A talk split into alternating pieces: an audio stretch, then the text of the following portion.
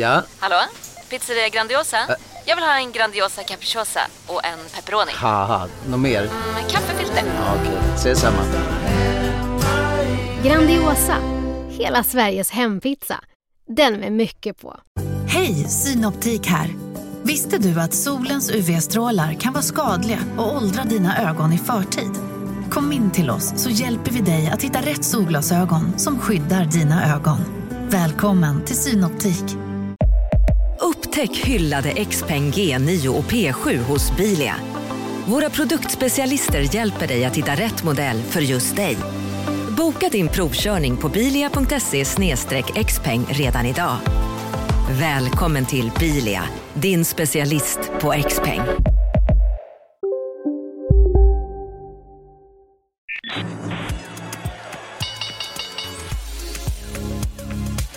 Det här är Affärsvärlden Magasin med Helene Rådstein. Hej och hjärtligt välkomna till podden Affärsvärlden Magasin, där vi varje måndag fördjupar oss i affärsvärldens journalistik. Jag heter Helene Rådstein och jag är reporter på Affärsvärlden. Och nu sitter jag här med Claes Lindström som är vice VD på eh, riskhanteringsbolaget 4C Strategies. Välkommen hit. Tack så mycket, roligt att vara här. Man kan säga att ni är ett riskhanteringsbolag, konsultbolag, eller? Ja, vi jobbar med risk, kris, övning, träning och vi tillhandahåller konsulttjänster och mjukvara. Mm. Och era kunder är, det är alla möjliga. Det är från myndigheter till eh, Europeiska centralbanken Ja, till eh, har- allt möjligt. Vi har allt möjligt. Eh, Vi har från ett stort antal myndigheter i, i Sverige och i Storbritannien. Vi har Europeiska centralbanken. Vi har Europeiska unionens utrikesförvaltning. Vi har jobbat med de alla stora bankerna i Sverige och vi har jobbat med ett stort antal tiotal försvarsmakter. Mm. Och jag tänker, vi, har ju, vi sitter ju här mitt under brinnande coronakris. Eller håller du med om att det är en kris? Ja, definitivt. Eh, Och jag håller med om att det är mitt i det hela. Det här är ju en situation som världen aldrig har upplevt. Och när jag säger aldrig upplevt så menar jag i modern tid. Vi hade ju spanska sjukan på 20-talet, tidigt 20-tal där. Men eh, det var väl ingen som trodde här i, i januari att vi skulle sitta med nästan snart 20 miljoner smittade människor. Mm. När det kommer en kris, för vi, jag tänkte vi skulle ta företagens perspektiv här. Ja. När det kommer en kris, vad är det vanligaste misstaget ett eh, bolag gör? Det vanligaste misstaget ska jag säga det är att man vill stanna kvar i status quo. Det vill säga att man säger att det här kanske inte är så allvarligt. Man, man hamnar ofta i en liten förnekelseperiod och säger att här, vi väntar och ser. Och den information som kommer i det här tidiga skedet är ju oftast osäker och säger att vi kan inte agera förrän vi har fakta. Mm. Hur lång tid har man på sig att agera, skulle du säga? Det är svårt att säga, men, men det man kan säga generellt är att eh, med sociala medier och med den liksom och ökade kravbilden på företag så är tiden mycket kortare nu än bara för fem år sedan.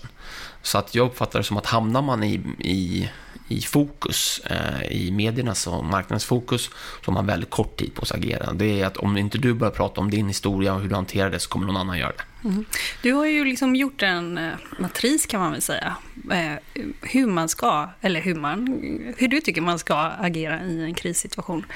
Ehm, och eh, där pratar du bland annat om det man vet och fakta och sådär. Och sen så pratar du också om antaganden. Ja. När ska man, eh, även om man inte har så mycket fakta liksom på bordet och sådär, när ska man ändå börja agera och hur ska man tänka där? Ja, men jag tänker att det viktigaste är att liksom vidta omedelbara åtgärder direkt. Det vill säga, kan man liksom, är det något, är det liv på spel, en sån sak, att man liksom, det gör man fort, fort, fort.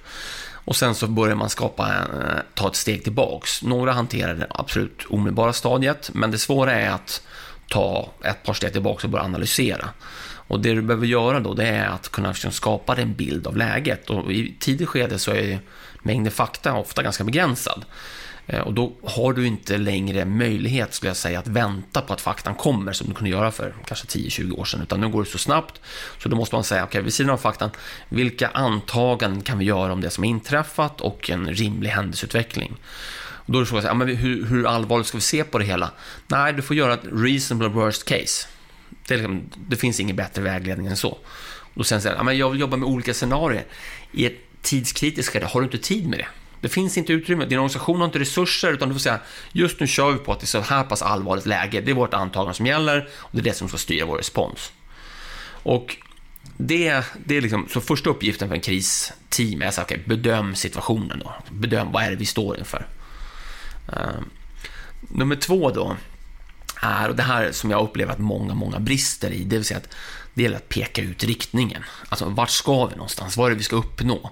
Då hamnar vi lätt i en situation där det blir antingen otroligt luftigt, liksom att man pratar om att ah, vi ska rädda liv och, och så. Okej, okay. ska du gå med en inriktning att rädda liv till sjukvården? Liksom, de kommer ju skratta åt det, liksom, du självklart håller på med det. Men du kan inte heller gå och säga så här, nej men vi ska ringa den journalisten på den tidningen och ge följande uttalande. Det är för detaljerat. Du behöver peka ut en riktning och säga så här, det är de här tre sakerna som är viktigast för vårt företag i det här läget. 1. säkra likviditeten. 2 skydda det här, tre något här. Eller liksom. Ofta är det, om det är något fysiskt så är det ofta säkra välbefinnande för personalen. Det är nummer ett. Då. Så det skulle jag säga, det, det är liksom något man behöver tänka på. Men i Sverige och i många andra länder också så är vi ovana vid att tänka strategiskt i ett krisläge. Vi kanske är snabba på att agera, men vi glömmer bort att säga liksom, vad är den huvudsakliga riktningen. Men, men det känns ju som en så mänsklig faktor. Liksom en kris kommer och eh, om det är en kris så är den per definition oväntad, eller? Ja, precis. Ja. Och liksom i ett oväntat hur ska man då eh, innan krisen kommer, hur ska man fatta att när en kris kommer, då ska vi vara strategiska? Ja, eh, ja det, är ju, det är ju i mångt och mycket en... Eh, det, det är dels en träningssak, man behöver träna på det. Eh, och sen så behöver man också få en förståelse. I ett krisläge, som du säger, så är det mycket oförutsägbarheter, osäkerheter. Och då behöver man inse att jag som, som företagsledare eller jag som chefsjurist, och så här, jag sitter som individ inte på hela svaret. Utan det bästa jag kan göra det är att ha ett gäng människor som är duktiga och vi har ett öppet klimat och säga låt oss diskutera. Vad tänker du? Vad har du med dig i din ryggsäck? Liksom? Vad har du för saker och ting du kan bidra med?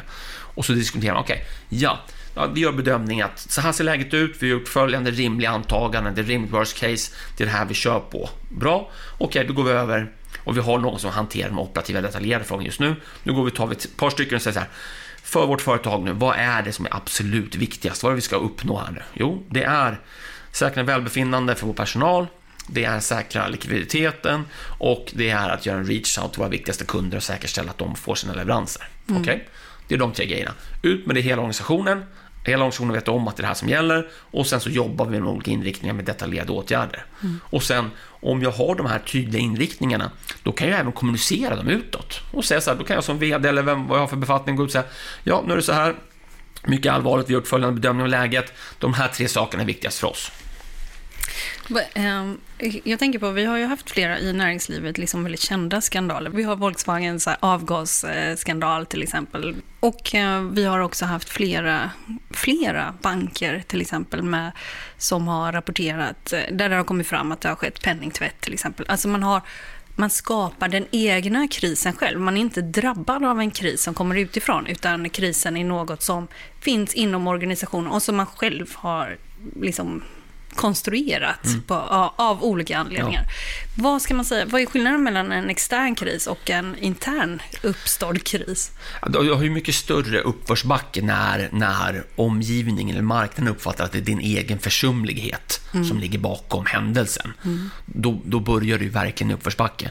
Och det man kan konstatera då, det som är nummer ett, är ju att jag uppfattar som att då vill ju marknaden se att du är ärlig och uppriktig med dina tillkortakommanden.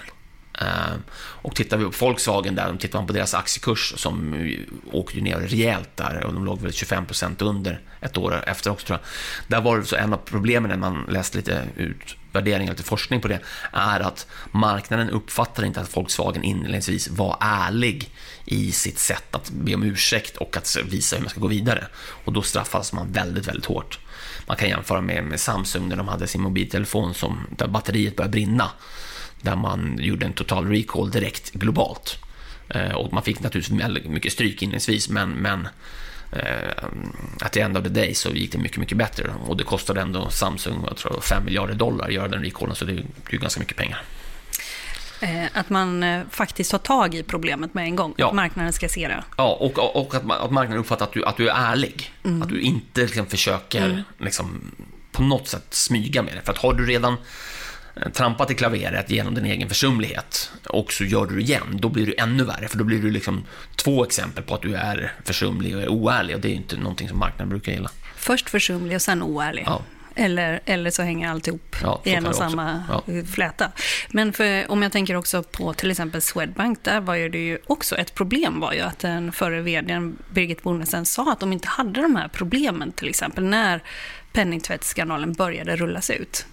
Ja, jag, jag har jobbat med, med de flesta av de stora bankerna, så jag har svårt att uttala mig kring eh, de olika bankernas specifik hantering. Men, men generellt sett så kan man väl säga det att, eh, som jag var inne på tidigare, när man uppfattas ha gjort något försumligt, då vill marknaden generellt sett se eh, att, att, du, att du mer är ursäktande. Eh, Eh, eh, En sak som jag har tänkt på är ganska vanligt inom politiken, eh, framförallt skulle jag säga, men också då i näringslivet, det är ju att man helt enkelt byter ut en vd. Eh, Att, eh, och, och, och en vd eller en generalsekreterare eller någon som har Ja. liksom ansvaret för en myndighet. Och ibland har jag tänkt så här, ja, eh, liksom, det ska man ju göra för den personen kanske är ansvarig om eh, saker och ting har brustit. Men finns det någon här kommunikations... I, ibland har jag tänkt också, speciellt från politiskt håll, när det var så här Transportstyrelsen och så, så var det ju flera fall där. Eh, där folk liksom byttes ut och ja, ja. Anders Ygeman försvann från sin post och så Ja. vidare. Eh, är detta liksom ett knep som ibland överanvänds, skulle du säga? Eller är det något som man verkligen måste göra?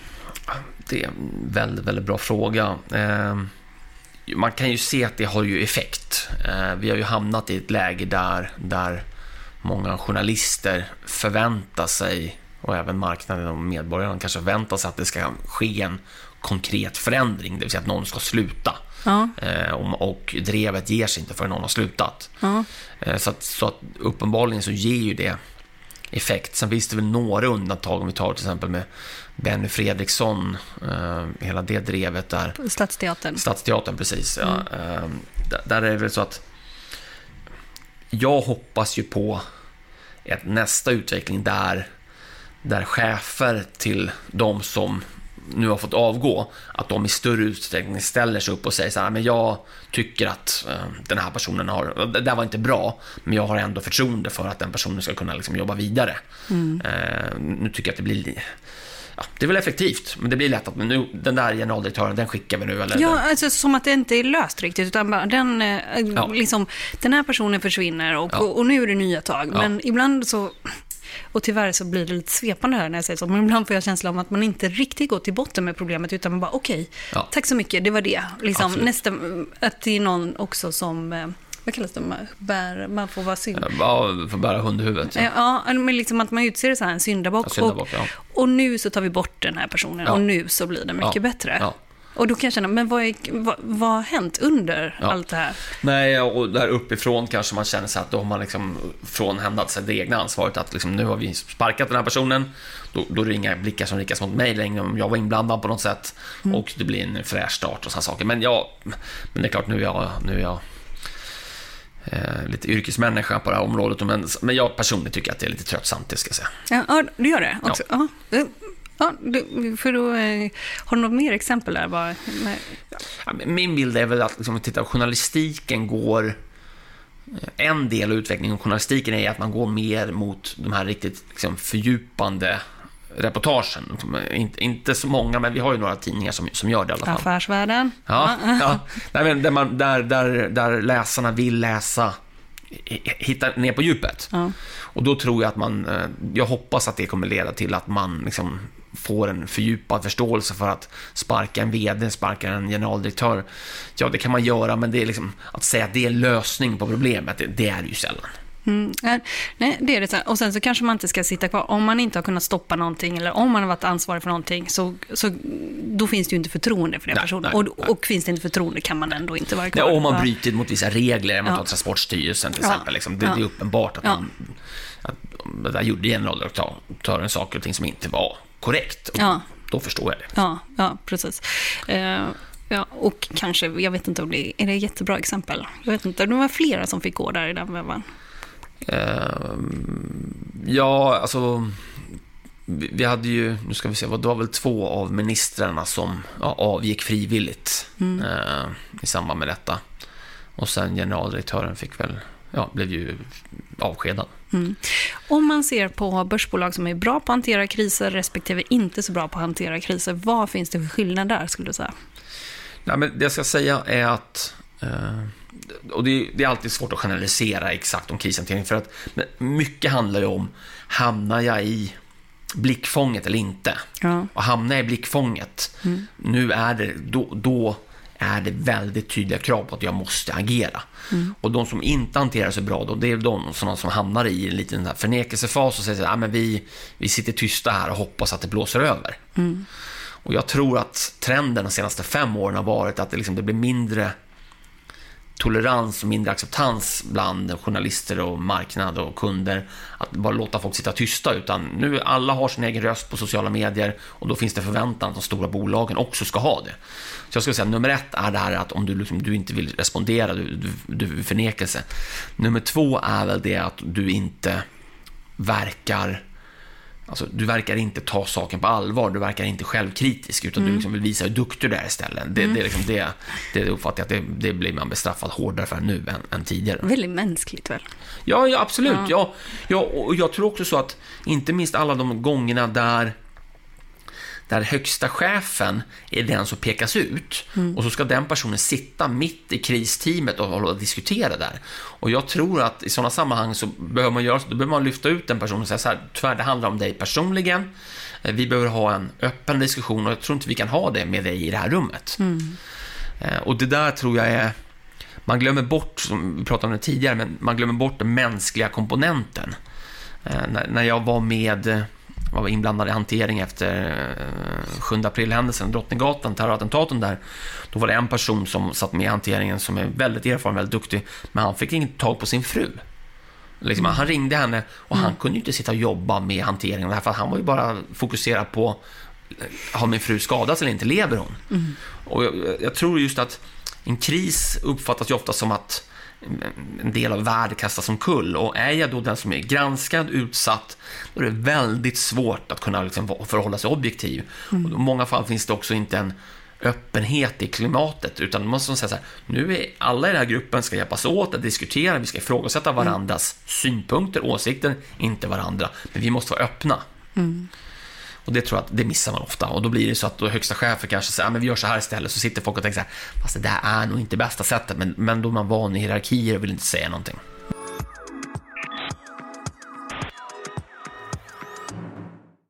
Marknaden sponsras av SPP, pensionsbolaget. Eh, förra gången pratade vi lite om ITP.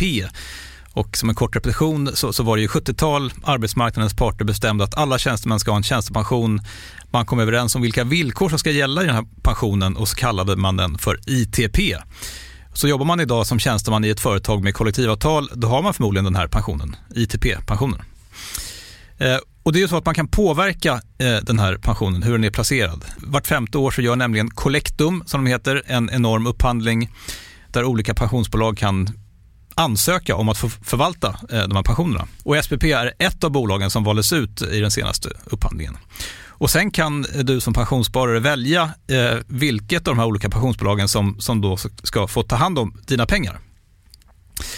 Och tanken med den här upphandlingen det är ju att liksom kvalitetssäkra de här olika alternativen eh, men också att förhandla fram stora rabatter så att pensionsspararna ska få ja, kunna spara pengar genom att avgifterna eh, som är så viktiga eh, blir eh, lägre. Och vill man välja någonting i ITP-systemet då finns det en relativt ny sajt som heter avtalat.se. Ehm, där kan man gå in och se hur sin ITP-pension är placerad. Jag gjorde det häromdagen faktiskt. Ehm, idén är att hälften av pengarna alltid ligger i något som kallas för traditionell försäkring. Det här gjorde vi ett avsnitt om i podden Kapitalet nyligen eh, som vi kallade världens bästa sparform. kan man lyssna på om man är intresserad. Eh, den andra halvan eh, den kan man också lägga i en traditionell försäkring eller så kan man placera det i något som kallas för fondförsäkring. Eh, SPP som sagt eh, var ju ett av de fåtal bolagen som valdes ut i den senaste upphandlingen och de finns med som alternativ både med en traditionell försäkring och med eh, fonder. Så det var en liten bakgrund till ITP-systemet. Vill man läsa mer om det här eller typ kolla hur ITP-pensionen är placerad, ehm, kanske göra förändringar, då går man in på avtalat.se Eh, men tack säger jag till SPP som vill göra oss människor mer medvetna om hur enormt viktig pensionen är för oss som en framtida lön, men också som en positiv kraft i samhället. Eh, och förstås för att ni möjliggör eh, den här podden Marknaden. Vi återkommer till Drottninggatan faktiskt om en liten stund tänkte jag. Men eh, jag tänkte också på liksom, börskurserna Ja. Vad ja. det gäller liksom, Ja. eh, börsbolagen som är bra på att hantera en kris och som är mindre bra eller Ja. dåliga på att hantera. Vad, kan, kan man säga Ja, nej, men det där är intressant. Där, där har man gjort, vi har, jag har hållit mycket utbildningar och övat och tränat folk och naturligtvis måste man också vara grundad i forskning, inte bara egna erfarenheter. Tittar man på bland annat en, en forskare, Dr. Deborah Pretty från, från Oxford University, som har hållit på med det här sedan 93. Mm. Då hon gjorde första analys 93, sen gjorde hon en analys 2000 och sen 2018 och tittade på kriser där mycket fokus på ryktesrisk. Och där kan man konstatera att 2000 nu gjorde analys av ett, ett antal Fortune 500-företag som hade varit inblandade i kriser. Tittar man på vilka var duktiga, vilka var mindre duktiga. Hon kallar det winners and losers. Och ett helt handelsår efter att en kris inträffade, de som är winners, de ligger 23 procentenheter högre i, i börsvärde än losers. Och då kan man tycka 23 procent, det är ju väldigt, väldigt mycket. Och det är på ett år då. Och men spolar man fram till 2018, eh, då är alltså skillnaden mellan winners och losers nästan 50 procent. 50, 50 procentenheter. Så att, och hon förklarade med att sociala medier och även liksom den här acceptansen för misslyckande har blivit lägre. Så att liksom misslyckas du nu straffas du hårdare. Och eh, du, får sån enorm publicitet nu på ett annat sätt än du fick kanske 2000 när sociala medier inte fanns. Men hur ska man tänka? Är, vi liksom eh, så hårda att det också kan leda till en slags överreaktion? Eller har vi blivit, är är vi liksom i kapp? Är, är detta adekvat eller ska vi lugna ner oss lite grann? Nej, det är en väldigt bra fråga där. Man kan ju säga såklart att om du är ett bolag som hamnar i kris så hamnar du ju i blickfånget på ett helt annat sätt. Du omvärderas och granskas hårdare av liksom analytiker och så naturligtvis. Men, men tittar man på hennes forskning så är det så, är det så att du, du men ett år är ganska lång tid efter en kris. Du ligger alltså liksom Särskilt på börsen får man ju säga. Ja. Ja, Ja. precis. Ehm, Och eh, du ligger alltså nästan 50 procentenheter från varandra om du är winner eller loser. Det är, så att vi brukar säga det när vi kör utbildningar för olika ledningsgrupper att jag brukar ofta säga så att jag tar reda på vad är, vad är börsvärdet på det bolaget och sen så räknar jag ut först 23 procent och sen 48 procent. Och så frågar jag så här, är det någon som vet vad den här siffran betyder? Och jag menar, pratar vi då ja, allt från 50 miljarder kanske eller till 100 miljarder, då börjar folk säga oj, ja du, Och om man då är på andra sidan, man sitter där och man försöker hänga med och köpa och sälja lite aktier och så. Ja. Och hur skulle du då tänka om eh, det går ett dygn, du ser en kris, det Ja. går ett dygn. ja. Vad är en bra eller dålig strategi Mm. då? ja. Det är viktigt att säga det också att Eller okej, en vecka då? Ja, det är viktigt att alla bolag straffas negativt inledningsvis. Alltså första veckan kanske. Liksom. Då, då brukar det vara att du åker ner kanske 10-15 procent. Liksom, om- om snittet nu då. Mm. Så, så där kan du inte, liksom, där kan du inte tolka det. Men, men det det handlar om det är som sagt var att verkar det som att bolaget tar frågan på allvar, kommer fram som ärliga, självkri- lagom självkritiska och handlingsinriktade. Gärna att du ser att vd eller någon hög befattningshavare står och säger det här. Nu, ja, du tycker att han eller hon verkar trovärdig. Ja, då, då är det nog ett bolag jag skulle titta närmare på. Eh, särskilt eftersom jag vet att det liksom, då kommer bestraffas inledningsvis. Eh, det, det hade definitivt varit intressant, absolut. Och om du å andra sidan då skulle se, vad då för någonting? Nej, men det, det om jag då ser ett bolag som, eh, som, som är i blickfånget, men som inte kliver fram. Och framförallt om jag börjar känna att det, liksom, de verkar spela lite, inte riktigt vill vara ärliga. Då skulle jag nog bedöma att ja, de där kommer gå ner. Vad det gäller förresten, ärliga, eh, det, en sak som har blivit, som har drivit upp kurser ganska mycket, lite i alla fall innan eh, covid-19 kom, men som man kan tänka sig kommer göra det också framöver, kan man tänka sig, det är ju eh, ESG-värden och sådär. Och det får mig att tänka att vi kommer ha fler eh, liksom klimatkriser framöver. Fler företag kommer att eh, småfuska med detta. Detta vet jag inte, men detta är något som jag tror Ja. kan hända. Eh, har du några sådana krisspaningar om vad som kan komma? Och, eh, Ja, Nej, men jag tror att eh, ju mer energi och kraft och resurser ett bolag lägger på saker och ting som stärker varumärket. Eh, liksom, och du vill ha en premium för att du har ett starkt varumärke och en stark liksom, rykteskomponent där. Om det framkommer att du inte är ärlig där, då, då tror jag att du kommer att straffas ganska hårt. Det vill säga om du, om du liksom genar i, i kurvorna där och säger att vi jobbar jättemycket. Det var ju lite det Volkswagen gjorde med sig. Titta vilken bra, vilka bra utsläppsvärden vi har. Titta vad, liksom, vilken miljövänlig mm. biltillverkare vi har. Mm. Visar, oj, det var, mm. det var inte så. Det här var en väldigt bra makeup-artist som eh, ja. har... Ja. Ja. ja. ja. men, men det är right. klart att det är ju också, det är också upp till huruvida ja, media och andra börjar granska det också. Ja, men jag, eh, om jag förstår det rätt så är det också så att glappet mellan varumärke och den faktiska produkten, det, det, ska, liksom inte, det ska inte vara särskilt stort helt enkelt. Nej, Utan nej. det är bra ifall allt är ganska intakt och genuint. Ja, ja. Alltså, genuina saker verkar ja. marknaden se igenom. Ja, och, och det definitivt. Och det, det, det jag brukar säga också är att om jag hamnar i en oförutsedd kris, det är jättesvårt att veta, okay, hur ska vi tänka? Liksom, vad, vad ska vi stå för? Mm. Ja, så, har du som företag några värderingar? Mm. Ja, jo, det har vi. Mm. Ja, det kanske kan vara läge att uh, titta vad de står och säger där och låta dem vara styrande för din hantering i, i krisen. Mm. Säger du att du ska vara kundnära och liksom effektiv och handlingskraftig, ja, då bör nog det prägla din hantering. Mm. För att om det är så att jag som företag jag kommer ihåg, det var för ett gäng år sedan, var väl, jag tror att det var någon förvaltning i Göteborg där som hade väl varit på dåligheter på någon fastighetsmässa i Frankrike där och, och mm. liksom kommer fram där och Förlåt, eh, jag tror att det var någon klänning som blev en lunch. Och lite ja, precis. Det var någon klänning som blev en lunch eller det var väldigt ja. dyrt mineralvatten där. Ja, exakt. Eh, och, Jordnötter, en hö väldigt hög jordnötsnota är annars en klassiker. Ja, ja just det. Just det ja. Nej, men, och, som inte förekom där, tror jag inte. Nej, okej. Okay. Nej, men, och, det är naturligtvis inte bra. Mm. Det de gjorde var ju däremot att eh, de gick till någon liksom, PR-byrå och sa hjälp oss hantera det här. Mm. Och PR-byrån kommer tillbaka med, ja, men liksom, fördröj informationen till, till journalisterna och liksom, var, mm. håll tillbaka och svara inte. Mm. Och då var det någon smart journalist som sa, ja men ni, ni har ju som värdering att ni ska vara transparenta. Mm. Och, och, då blir det lite så att, okej, okay, om inte jag kan förlita mig på det här företaget, en myndighet eller kommunen som säger att vi står för det här, mm. men, men det gäller inte i ett krisläge, varför skulle jag då tro på den i ett vardagligt läge? Så att, har du bra förankrade värderingar som du och ditt bolag tror på, låt dem vara styrande i krisen. Mm, mm. Om vi tar ett sånt, eh, en sån superkris och mm. Eh, tragisk händelse som eh, terrorattentaten på, terrorattentat, terrorattentatet på Drottninggatan i Stockholm. Ja. Du var med där och krishanterade. Ja, jag blev eh, ombedd att delta i, eh, i hanteringen och jobbade lite med analys då, det stämmer ja. Mm, var det under det skedde eller efteråt? Ja, det, jag var på plats, tror jag, knappt en, en, timme, en knapp timme efter det inträffade. Så satt vi ett antal personer i en ledningscentral och, och jobbade med koordinering där, ja. Hur var det? Eh, det var... För det är ju en väldigt unik händelse ja. i Sverige i modern tid, alltså ja. på alla sätt.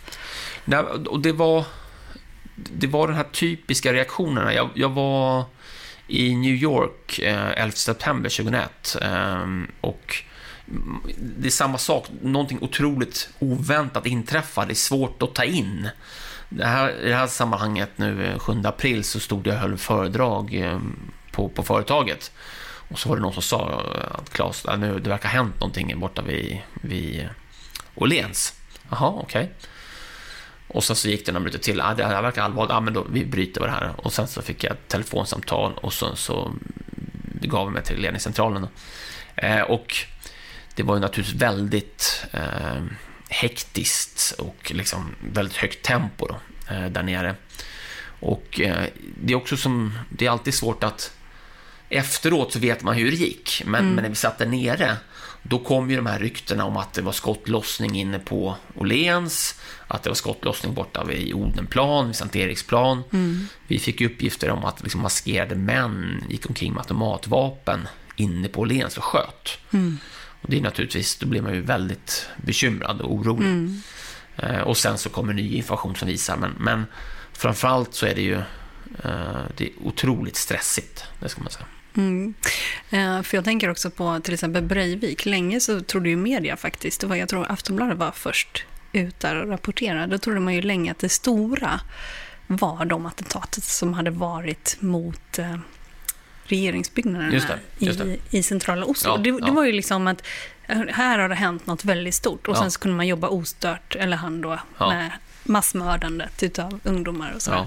Så att eh, liksom, påverkade det någonting hur ni tänker? Liksom här är en liten grej, men liksom... Ja, ja precis. Ja, men det som är, och det som är alltså, den mest pålitliga indikatorn om att ett terrorattentat ska inträffa, det är att ett annat attentat precis har inträffat. Ja.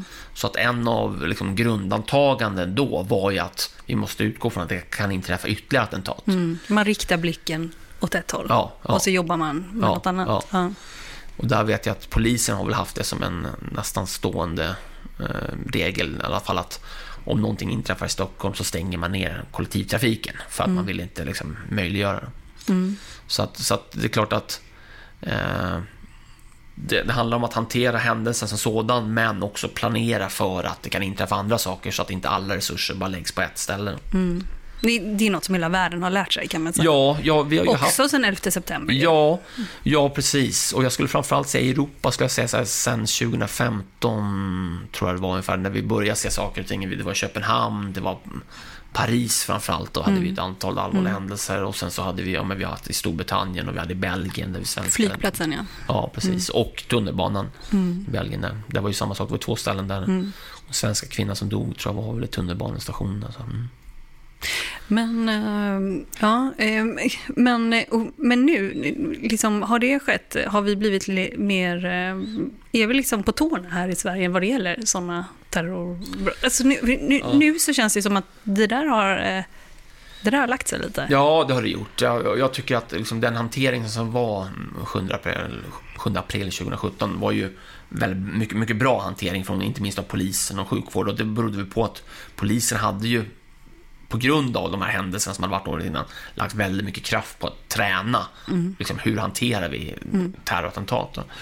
Och lite är det väl som så att alltså, Sverige ligger i en väldigt trevlig del av världen. Vi har inte liksom behövt lägga jättemycket resurser på förbereda sådana saker. För att vi har inte särskilt mycket naturkatastrofer och det har inte, vi har inte varit med i krig på länge. Självklart vi har haft eh, ja, de här statsministermord och utrikesministermord och vi har haft Tsunami. Estonia och tsunamin. Så. Men om man jämför med den största andra, andra delar av världen så är det liksom mycket, mycket lugnare och mycket, mycket trevligare i Sverige. Vilket gör att vi då kanske inte har det mindsetet. Och Jag har jobbat med banker i Storbritannien till exempel. De har ju en helt annan inställning till terrorattentat för att de har de, de, från 70-talet och framåt. Så i Sverige så har vi en Ja, på gott och ont har vi haft en trevlig tillvaro, vilket gör att då, då är det inte naturligt att lägga jättemycket kraft på att förbereda sig. En sak som jag har tänkt på, eh, det är just flygplatser. Eh, Jag vet när jag åkte från, till och från eh, eh Ben Gurion i eh, Israel. Och då är det ju avspärrat, det är avspärrat flera kilometer liksom, runt hela Ja. den flygplatsen. Ingen kommer ju in till Nej. flygplatsen som inte är kollad. Nej. Men i Sverige till exempel och i de flesta andra länder och efter Belgien också Ja. så eh, spärrar man ju inte av liksom, runt om en flygplats. Va, har du någon tanke kring det? Alltså, vem, Ja, ja, det där är en jättebra fråga. Där tittar man på, jag vet inte vilket land det var där, men det var väl att någon gång gick de in i, i ankomstsalen också. Ja. Har liksom terrorgrupper gått in och där har det varit helt oskyddat. Ja. Där man kunnat komma och stått jättemycket människor och väntat på anhöriga och så har man bara rivit av en bomb där. För jag måste säga, jag checkar allting så fort jag kan och bara försvinner från eh, liksom det första steget. Ja, ja. Ja. Sedan Belgien. Ja, ja. Mm, mm.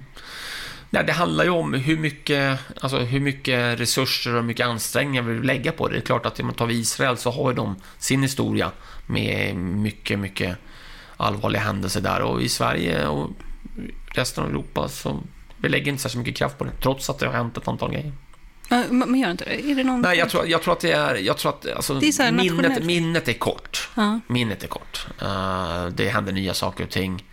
Och eh, när vi väl har kommit över, jag menar vi tittar på i Sverige, vad var det det tog, nu kommer inte då tog det ett, tog det två år att man fick upp sådana pollar utanför regeringsbyggnaden efter, efter det som hände i, Oslo med Breivik. Liksom, Ja, så här, två år, det, det är ganska lång tid, men då är det liksom då är det ett antal instanser som ska vara inblandade och man ska tycka till och diskutera. Så att jag tror att... Eh,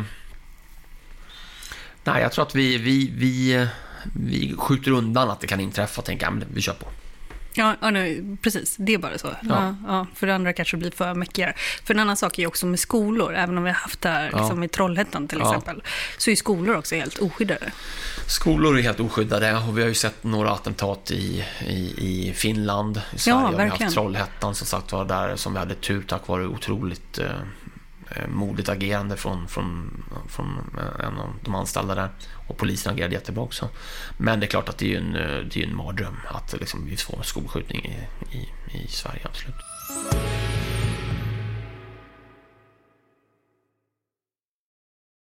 Eh, marknaden sponsras av Karla. Eh, vi pratar ju en hel del om bilar här- på kontoret. Eh, karla har ju skapat, skulle jag säga, det som är standarden för hur man idag köper och säljer bilar på nätet. Kort bakgrund bara. Karla säljer och leasar begagnade elbilar och laddhybrider på karla.se. Alltså en helt digital upplevelse. Och man har gjort det här med ett nästan maniskt fokus på vad en bilköpare faktiskt behöver. Jag gjorde ju en intervju med en av grundarna, Patrik Illerstig, i marknaden här eh, ganska nyligen, eh, daterad 25 mars, om man vill lyssna på den. Eh, men där berättar han hur de kom in i det här lite från vänster för att försöka uppfinna hela den här liksom bilköpupplevelsen från början. Och de har idag, vilket är rätt otroligt, 4,8 i betyg eh, på Trustpilot. Jag, jag har sett många företagssidor på Trustpilot, men det här är nog bland eh, det bästa jag någonsin sett faktiskt. Man kan sälja bilen till Karla också. Eh, då går man in på karla.se, delar lite info om bilen, sen får man en gratis värdering och ett bud. De hämtar bilen helt gratis i hela Sverige och så har man pengarna på kontot i samma stund som de hämtar bilen. Det är grymt. Eh, så ska du köpa en ny bil eller sälja din gamla, eller båda delar för den delen, gå in på karla.se och eh, kolla. Alltså karla.se och Karla stavas med C. Tack så mycket till Karla. Du lyssnar på Affärsvärlden Magasin med Helene Rådstein. Var går gränsen skulle du säga mellan att vara eh, krismedveten och eh, sådär och eh, skapa skräck och vara aningslös? Det måste ju ändå vara... Eller har du någon annan modell för... Nej, nej, men jag, jag liksom, tycker så här, om, om jag tänker att om jag, om jag är företagsledare, Ja. eh, då, då, då är det ju min skyldighet att ha en tydlig uppfattning om vad gör vi om vi drabbas av en kris. Liksom, vad är vår grundläggande idé? Vad är, är grundläggande plan? Och det jag uppfattar som är brister många gånger är att man man låter det här hanteras någon annanstans i organisationen för man tänker att det här, det här händer ju inte. Liksom, det, vi kommer inte drabbas av det. Och eh, jag uppfattar det som att efter eh, 7 april-händelsen med terrorattentaten där så pratade jag med ett antal företagsledare efteråt och många av dem upplevde ju en enorm frustration och besvikelse över att de visste inte vad de skulle göra. De, de är vana att leda sitt företag, men där visste de inte, för liksom, informationen fanns inte. En del började gå hem, de kanske satt nära i city. Skulle man hålla kvar personalen, skulle man skicka hem dem. Och de tappade, liksom, jag uppfattar att de själva sen, de tappade lite ansiktet, i alla fall för sig själva. Att de visste inte vad de skulle göra. Och, och i, i dessa tider, ska jag säga så här, ja, sitter du i Stockholm city, då behöver du ha en idé i ditt huvud, om du är företagsledare. Om vi drabbas av attentat, vad gör vi då? Alltså, jag Vad hade du gjort? Nej, men vad hade jag gjort? Nej, men jag tror att jag behöver ha en uppfattning om... Jag behöver ha en uppfattning här, vad är viktigast för mitt företag? Och då är sånt läge så här, nej men personal, väl och ve för personal kommer alltid vara viktigast. Okej? Just det. Och deras anhöriga? Ja, precis. Och familj. Och sen så beroende på vad jag har för verksamhet. Men tittar vi... Om, om det smäller liksom på Kungsgatan någonstans, vad gör jag liksom alla, alla restauranger och sånt där? Det är jättesvårt. Ska jag, ska jag skicka ut mina kunder? Eh, Ska jag låta dem vara kvar? Om det kom, vill komma in några människor utifrån, ska jag ta in dem då? Det kan ju vara en ytterligare attentatsman eller kvinna. Så det är så, nej men jag, jag behöver veta så här, ja, personalen och dess anhöriga, det är viktigast för mig. Okej, bra. Då gör jag så att, då safear jag hellre och säger, låt stanna kvar här, vi uppfattar att vi är på en säker plats. Eh, Det är en viktig grej. Och sen så behöver man säga så här, okej, ja, vad är våra viktigaste businessåtaganden? Liksom, okej, kan vi göra en, nå ut till, till våra prioriterade kunder? Liksom, kan vi kroka arm med dem och säga så här, låt oss hjälpas åt? Ha- Har jag liksom det, har jag det på plats, om vi pratar attentat, ja men då har jag, då har jag liksom ganska, då har jag hyfsat koll på läget. För jag menar, i en kris kan du aldrig förvänta dig att lösa någonting till 100%. Jag brukar skoja om och säga så här, jag har aldrig läst, jag har aldrig hittat boken Perfekta beslut fattat i kris. Det finns liksom inte. Kan inte du skriva, du har väl några exempel? Ja, jag. men, det, jag, men för mig är det liksom good enough är good enough. Ja, liksom. ja. Fatta beslut, kom igång, kör på. Ja. Eh, Så att, så att när det gäller, och, och tittar man på liksom vilka typiska scenarier kan, om jag är börsbolags VD eller något sånt, vad, vad kan jag drabbas av? Ja, men då har du, du måste räkna med attentat. Det är en sån grej, smack. Det, det, då behöver jag ha en idé om, okej, vad är viktigast för mig där? Eh, Kom ihåg nästa, för jag bara tänker på attentat. Många säger ju cyberattentat. Ja, ja precis, jag, jag kommer. Ja, ja. Yes. Det kommer, ja. Ja, så en fysisk händelse, det kan vara attentat och sådana saker, det är liksom det en grej. Sen är det det här med om du hamnar i en situation där, eh, där din trovärdighet är nedsolkad. Det vill säga liksom att ni har gjort någonting, liksom, det kan vara penningtvätt, det kan vara dåliga leveranser, det kan vara liksom fusk med siffror och sådana saker. Okej, hur hanterar vi en sån situation när vår trovärdighet sätts på spel? Då behöver jag liksom fundera på det. Okej, vad är viktigast för oss i sånt läge? Ja, klart på det. Och sen så har vi liksom naturligtvis med cyberattacker som menar, är ju jättestort redan och kommer ju bara bli större. Det vill säga att okej, har jag en tydlig idé vad som händer om mina viktigaste informationstillgångar inte längre är tillgängliga? Liksom, det ligger nere vad, vad, vad, hur påverkar det min verksamhet? Det är otroligt, otroligt viktigt. Eh, och har du dem, liksom, har du attentat, har du eh, liksom din trovärdighetsfaktor och liksom cyber. Har du de tre, har du en hyfsad idé om vad du ska göra, ja, då är du ganska bra. Sen har vi ju liksom covid-19. Ja, men, det är klart att om vi pratar, liksom, om vi pratar citat här så, så är det en eh, known unknown. Det vill säga att Ramsfeld. Rums, Donald Rumsfeld sa ju det vid berömd, berömd presskonferens för ett par år eller för 20 år sedan var det nästan. Att hela världen visste att det kan underkomma en pandemi. Liksom, det är inget nytt. Men ingen visste när den skulle komma och hur den skulle drabbas. Och då är det liksom, det svåra då är att när du ställs inför någonting helt nytt. Um, Okej, hur ska jag tänka på ett vasst sätt för att kunna hantera det? Och då är jag inne i det här med att jag måste acceptera att okej, jag befinner mig i ett osäkert läge, jag har inte fakta på bordet, då måste jag göra vissa antaganden. Och då får man antingen göra antaganden som är liksom För worst var- case eller best case. För detta är en known unknown. Ja. Ja. Kan du bara reda ut det där lite grann? Ja, men en, han pratade ju, Donald Rumsfeld pratade ju om att det fanns tre saker. Liksom. Det finns known knowns, alltså saker och ting som vi vet om finns. Det kan inträffa. Och som vi förstår. Som vi förstår, Ja, precis. ja. precis.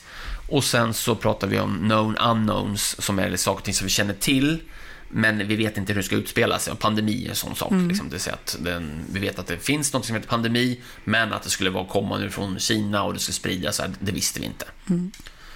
Och sen så är det tredje grejen är ju unknown unknowns, det vill säga att saker och ting som vi inte vet om att det ens existerar kan, kan drabba oss. Och de är ju naturligtvis väldigt mycket svårare att säga vad det kan vara.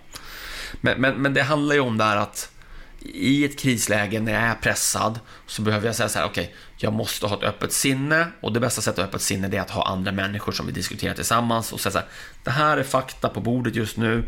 Det räcker inte för oss för att vi ska kunna agera. Då måste vi göra en bedömning. Ett antagande och då är det rimligt att ta ett ganska, tycker jag, ett re- reasonable worst case. Det vill säga, eh, det vill säga att vi tror att det kommer bli mycket värre. Okej, då behöver vi förbereda oss för det. När, jag pratade en gång med, eller gjorde intervju med en advokat, han heter Björn Riese. Och han, har liksom, han var en av pionjärerna i det utredningsarbete som Ja. advokater eh, och advokatbyråer ägnar sig allt Ja. mer åt. Och han, han sa en gång ganska intressant tyckte jag, att eh, när vi bedömer krishantering och hantering överhuvudtaget efteråt, då är det svårt att tänka bort det som vi vet nu, som vi faktiskt, liksom när vi satt där och jobbade med någonting, så visste vi inte det. Och det är svårt att tänka bort den kunskapen vi har idag, när man då blir Det, det, det är liksom mänskligt. Det är Ja. jättesvårt att göra. Jag, jag, jag blev väldigt glad när, att, att han delger en sån djup insikt. eh, För att jag tycker att jag har tittat och följt ett antal utvärderingar och olika händelser. Och eh, den här kunskapens förbannelse, det vill säga att det är så svårt att tänka bort, precis som du är inne på, vad jag, vad jag, vad jag vet nu och, och jämföra med dem där och då. Och, och, och det tycker jag liksom, när man, när man till exempel har synpunkter nu på covid-19-hanteringen, så, så är det viktigt att tänka så här, okej, vad är det jag har synpunkter på? Är det hur vi i Sverige agerade i januari, februari eller mars? Eller april? Ha- Kan jag sätta mig in i vilken kunskap som fanns där och då? Eh, och det där tycker jag är att ofta så misslyckas man med det i olika så utvärderingar, nu pratar jag publika sådana, eh, för att man tycker att man liksom, ni borde gjort så. Ja, men den slutsatsen baserar du på vad du vet nu. Vad, vad, vad man visste liksom 5 maj som man Ja. inte visste Ja. f- 5 januari. Ja, ja. Och tittar man på covid-19-hantering där så kan man säga att alltså, Folkhälsomyndigheten går på mindre än 15 dagar på sin femgradiga skala när det gäller risk för samhällssmitta från till liksom mycket låg risk till mycket hög risk. Det är liksom mindre än 15 dagar hoppar man fem steg. Det är för att liksom, kunskapen kom invällande samtidigt, man visste inte om det. Mm. Mm. Hur kan man träna sig på det då? Eller är det, är det ens relevant? Det är ju i och för sig också Ja. när man blickar tillbaka så här historiska händelser. Eller också när man blickar tillbaka till det som folk lite elakt kallar för så här PK. Liksom, nu får man inte säga det längre. Och hur kunde man prata så på, det, på den tiden? Eller tv-serien Friends har ju liksom kritiserats också. Ja, Ja. Finns det något, liksom, kan man öva sig på att analysera utifrån att man skalar bort det man vet nu och sätter sig in i det som man inte visste tidigare? Ja, eh, det kräver ju en enorm ödmjukhet, ska jag säga. Eh, och det kräver ju också en viss erfarenhet att kunna göra det. Och jag tror att man behöver också då liksom lära sig fokusera på vad är det vi vill bedöma. Alltså, är det, liksom, är det beslut, är det kommunikation eller vad är det, liksom, vad är det vi vill gå till botten med? Jag uppfattar det som att det, det är ganska svår, eh, det är ganska svårt att göra det. Det är, inte Det är en alls- svår övning. Ja, det är en jättesvår övning. Och jag uppfattar att ofta misslyckas man det, då går man in ist- istället och tittar på inte minst advokatbyråer eller revisionsbyråer. Då går man istället in och tittar på, okej, vad säger eran plan? Mm. Eran plan säger att ni ska göra det här. Och då konstaterar man, eran plan säger att ni två gånger i varann, eller varannan timme ska skicka en skriftlig rapport. Det har inte ni gjort. Därför ger vi er underkänt i den här hanteringen. Ja, fast det är inte riktigt det det handlar om. Men eftersom det är svårt att komma till pudelns kärna så går man in och tittar på, liksom, har man Konkret, följt ja. pappersplanen istället? Så jag brukar alltid säga det när jag kör utbildning eller tränar folk, att det som står i er plan att ni ska göra, måste ni göra. För att när ni får en extern granskning efteråt, så kommer de att säga så här, hej, ni har sagt att ni ska göra det här, och så gör ni inte det. Men det är också liksom, eh, gör inte en pappersplan, menar du väl? Nej, men jag menar att den pappersplanen du har, måste du följa. Eh, För att får du en extern granskning efteråt så kommer de säga så här, varför har ni inte gjort så här? Ni har sagt att ni ska göra det. Eh, en sista sak här, man ska förbereda sig för en kris och så vidare. Men när, när ska man liksom börja med det? Alltså, Ja. Du håller på, alla är ganska tidspressade, alla Ja. liksom, och visst du har ju på, kanske är det så att de finansiella instituten ändå har kommit ganska långt, det vet Absolut. vi inte, eh, med sina compliance, växande compliance-avdelningar och sådär, Ja. som är ju en slags kris Ja, ja, det- eh, krisorgan liksom, håller det på att bli och så. Men hur ska man, det, det, det fattar inte jag riktigt hur man ska hinna det. Mm, nej, det är en väldigt, väldigt bra fråga där. Och det, där handlar ju om att alltså, stora kriser kommer alltid påverka företagsledningarna. Eh, och då, kommer företag, då behöver företagsledningarna ha, som jag var inne på tidigare, ha en förståelse för att nej, men vi har tre, fyra typiska händelser som skulle kunna drabba oss. Och för mig är det så att, okej, det behöver jag acceptera, det är en del av mitt jobb. Eh, och att det kan inträffa och jag behöver ha en idé, ungefär så här ska vi respondera det. Och det är liksom, har jag det på plats? Har jag så här, okej, men i det händer det här, då brukar vi liksom, kan vi tänka de här fakta och så brukar vi göra ungefär så här antaganden. Och i det här läget, i händelse av att vår trovärdighet ifrågasätts, då är det de här tre sakerna som vi tycker är viktiga att komma ut med och, och driva. Har jag det på plats, då är jag liksom, då är jag ganska väl eh, skickad. Och eh, om jag förstår det rätt, om man inte har det på plats, eh, skulle det nästan kunna vara ett brott mot aktiebolagslagen eller något sånt där, för att eh, det, man förlorar så mycket i värde Ja, om man ja. inte hanterar en kris väl? Ja, precis. I alla fall borde väl eh, aktieägarna ha ganska starka synpunkter på det tycker jag. Liksom att, inte minst ju som jag sa, forskning visar att vi pratar upp till nästan 50% skillnad i aktie. Som är andras pengar ju. Ja. Det, det är ju liksom Ja, ganska ja, sällan bara de egna pengarna. Ja, men, men skulle man kunna se sådana case eh, drivas? Ni, ni var inte förberedda på det här och, eh, och, och då kan man alltid säga, men vi kände inte till att det här kunde påverka kursen kanske. Nej, men det är en bra fråga. Jag tror att vi kan tänka oss en sån utveckling framåt där, där som jag sa tidigare, att min uppfattning är att acceptansen för misslyckanden blir bara lägre och lägre.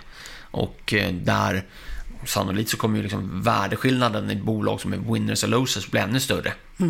Eh, Så det, det är klart att eh, eh, långsiktiga aktieägare borde tycka det är sånt intressant. Absolut.